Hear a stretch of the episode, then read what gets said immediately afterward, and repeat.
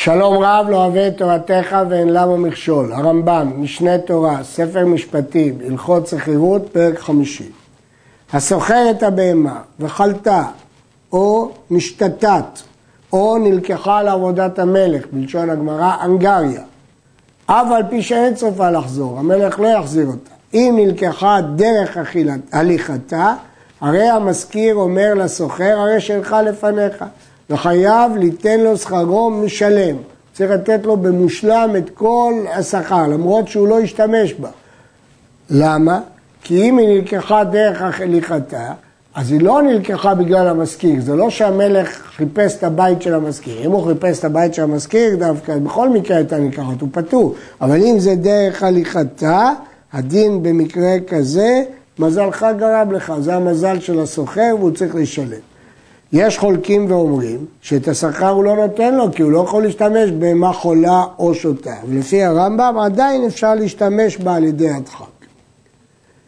במה דברים אמורים? בששכרה לשאת עליה מסע שאפשר להשליכו בלא הקפדה ולכן גם אם מסע ייפול לא יקרה שום דבר אם הבהמה חולה או שותה אם היא תיפול ירים אותה אבל אם שכרה לרכוב עליה או לשאת עליה כלי זכוכית וכיוצא בהם חייב להעמיד לו חמור הוא לא מוכן לשאת כלי זכוכית או את עצמו על בהמה שותה או חולה שהיא תפיל אותה.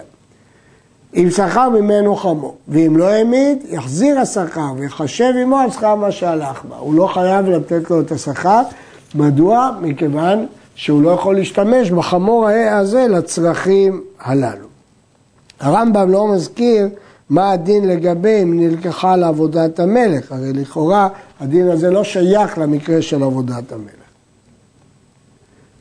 מתה הבהמה או נשברה, בין ששכרה לשאת, בין ששכרה לרכוב, אם אמר לו חמור, סתם אני מזכיר לך, חייב להעמיד לו חמור אחר מכל מקום. הוא הבטיח לו חמור, החמור הזה מת, הוא חייב להעמיד לו חמור אחר.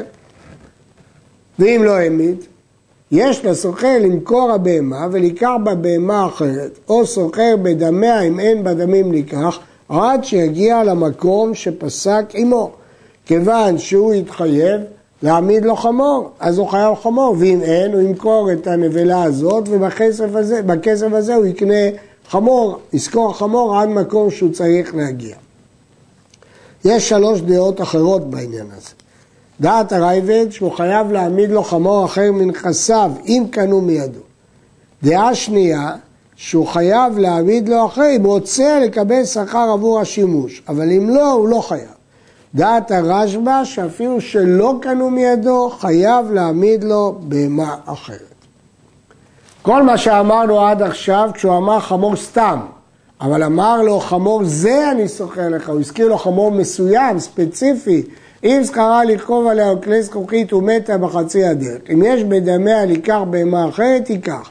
ואם אין בדמים לקח, סוחר אפילו בכולן עד שיגיע למקום שפסק עמו. ואם אין בדמים לא לקח ולא לזכור, נותן לו שכרו של חצי הדרך ואין לו עליו אלא תרעומת. שכרה למסע, הואיל ואמר לו חמור זה עומד בחצי הדרך, אינו חייב להעמיד לו אחר. נותן לו שכרו של חצי הדרך ומניח לו נפלטו. כן, הרמב"ם מחלק בין אם הוא הזכיר לו לזכוכית או לקרוב או למסע.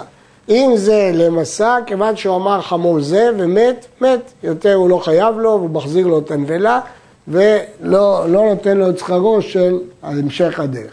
לעומת זאת, בלרכוב, הנבלה משועבדת, למכור אותה כדי להשיג את המשך הדרך. הרעב"ד שואל, מה החילוק בין צריכה לרכוב או לשאת? ברגע שהוא אמר חמור זה ומת, אז הוא גמרנו, הוא לא משועבד לו יותר.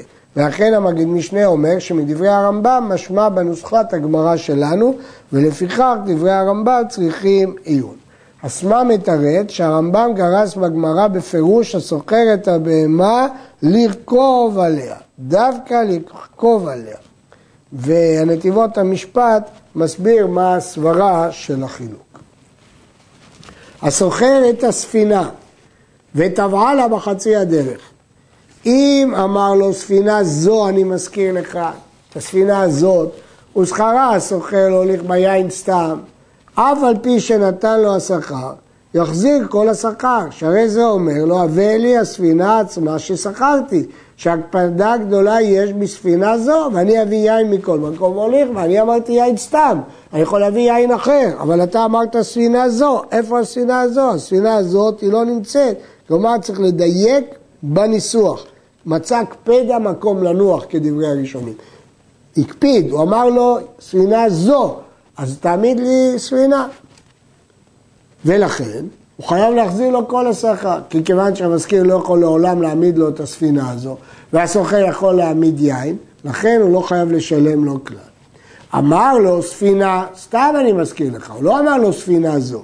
ושכרה הסוחר להוליך ביין זה, הסוחר אמר זה על מנת להוליך את היין הזה, אף על פי שלא נתן לו מן השכר כלום, חייב ניתן לו כל השכר. שהרי הוא אומר לו, הבא לי יין עצמו, ואני אביא ספינה מכל מקום, והוליכו, אם תשיג את היין שלך שטבע, אני אתן לך ספינה, אבל לא השתבעתי לקחת לך יין אחר, דווקא את היין הזה, והיין הזה טבע.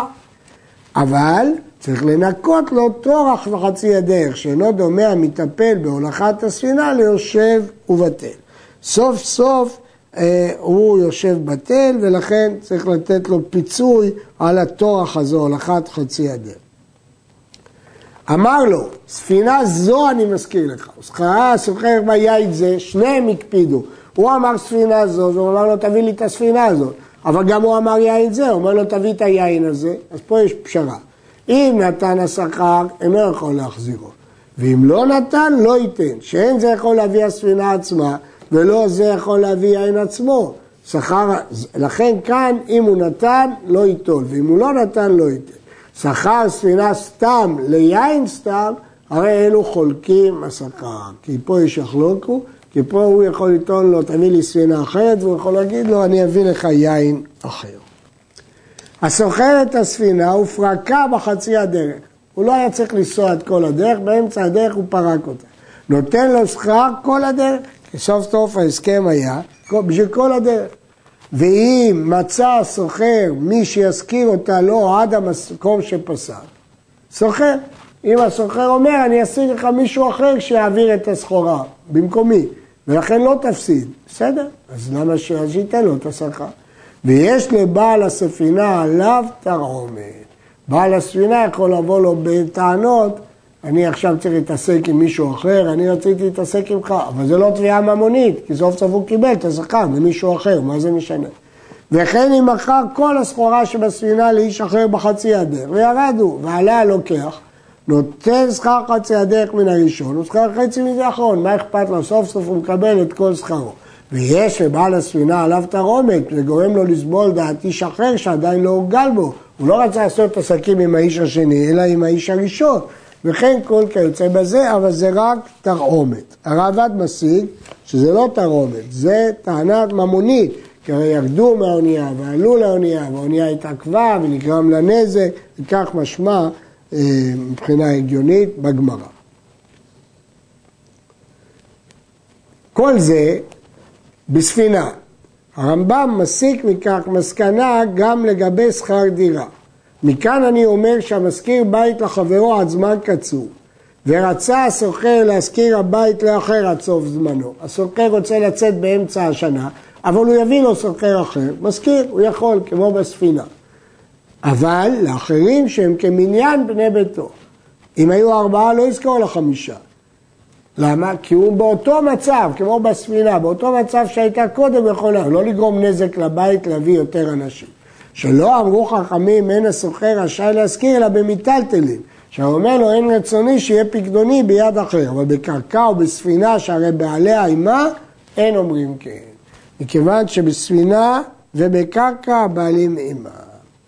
הרייבד חולק ואומר יש בדורנו אומרים שיש בני אדם שמחריבים הבית בדירתם ואתה לא יכול להזכיר לאחר.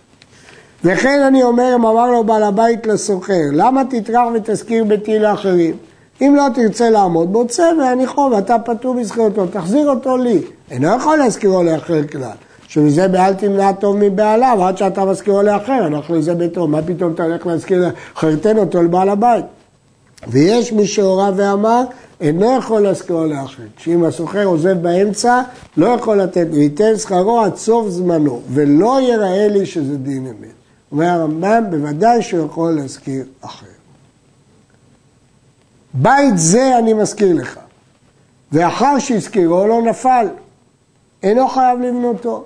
כי הוא אמר לו בית זה, נפל הבית, נפל. אלא מחשב עמו על מה שנשתבש בו, הוא מחזיר לו שאר השכירות. הוא כמובן לא חייב לשלם לו על מה שהוא לא יושב לו, אבל הוא לא ישתעבד לבנות לו בית אחר, כיוון שהוא אומר בית זה. וכיוון שאומר בית זה, הוא לא ישתעבד. המגיד משנה שואל, למה בחמור פסק הרמב"ם שאפילו בחמור זה הוא יכול לקנות בנבלה בהמה אחרת? למה גם כאן לא ישתמש בדמי הבית על מנת לזכור בית אחר? מתרד שבחמור דרך למכור את הנבלה לזכור חמור, אבל בית שנפל אין דרך למוכרו. אבל אם סתרו, חייב להעמיד לו בית אחר או יזכור לו כמותו. אם הוא לא נפל, אלא הוא הרס את הבית, המזכיר, ודאי שהוא חייב לבנות לו בית אחר. וכן אם חזר אחר שהזכירו לזה, והזכירו מחרו לגוי או אנס, שהבקיע השכירות הראשון. אחרי שהוא הזכיר, הוא מכר את זה למישהו אחר. הרי חייב להזכיר לו בית אחר כמותו, וכן כל כיוצא בזה. סוף סוף הוא התחייב להזכיר לו בית, ולמרות שהוא מכר את הבית והוא מוציא אותו, חייב לתת לו בית אחר לשכירות. הזכיר לו בית סתם, הוא לא אמר לו בית זה, אלא בית סתם. אחר שנתן לו בית נפל, חייב לבנותו, או ייתן לו בית אחר, הוא אמר לו בית סתם.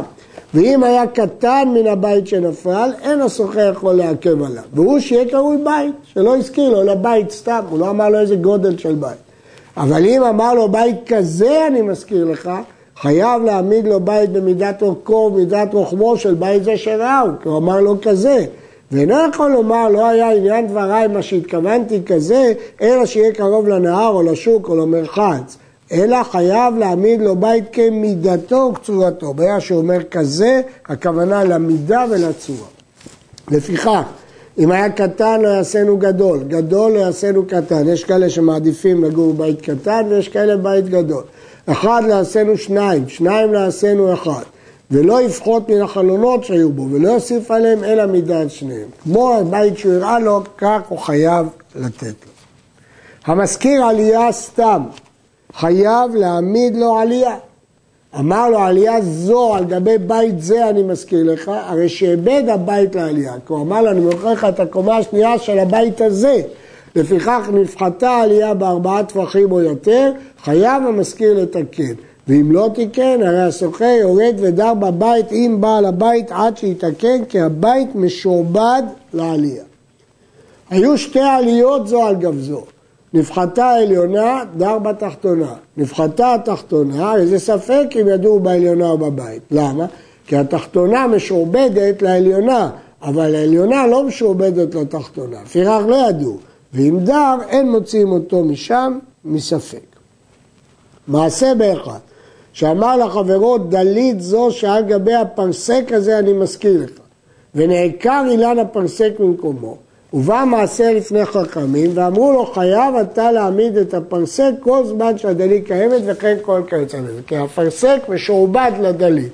ולכן, כיוון שהוא מכר לו, הזכיר לו את הדלית, הוא חייב לשעבד לו את הפרסק, הוא חייב להעמיד לו, כמו בבית ועלייה, שהבית משועבד לעלייה, פה הפרסק משועבד לדלית. adka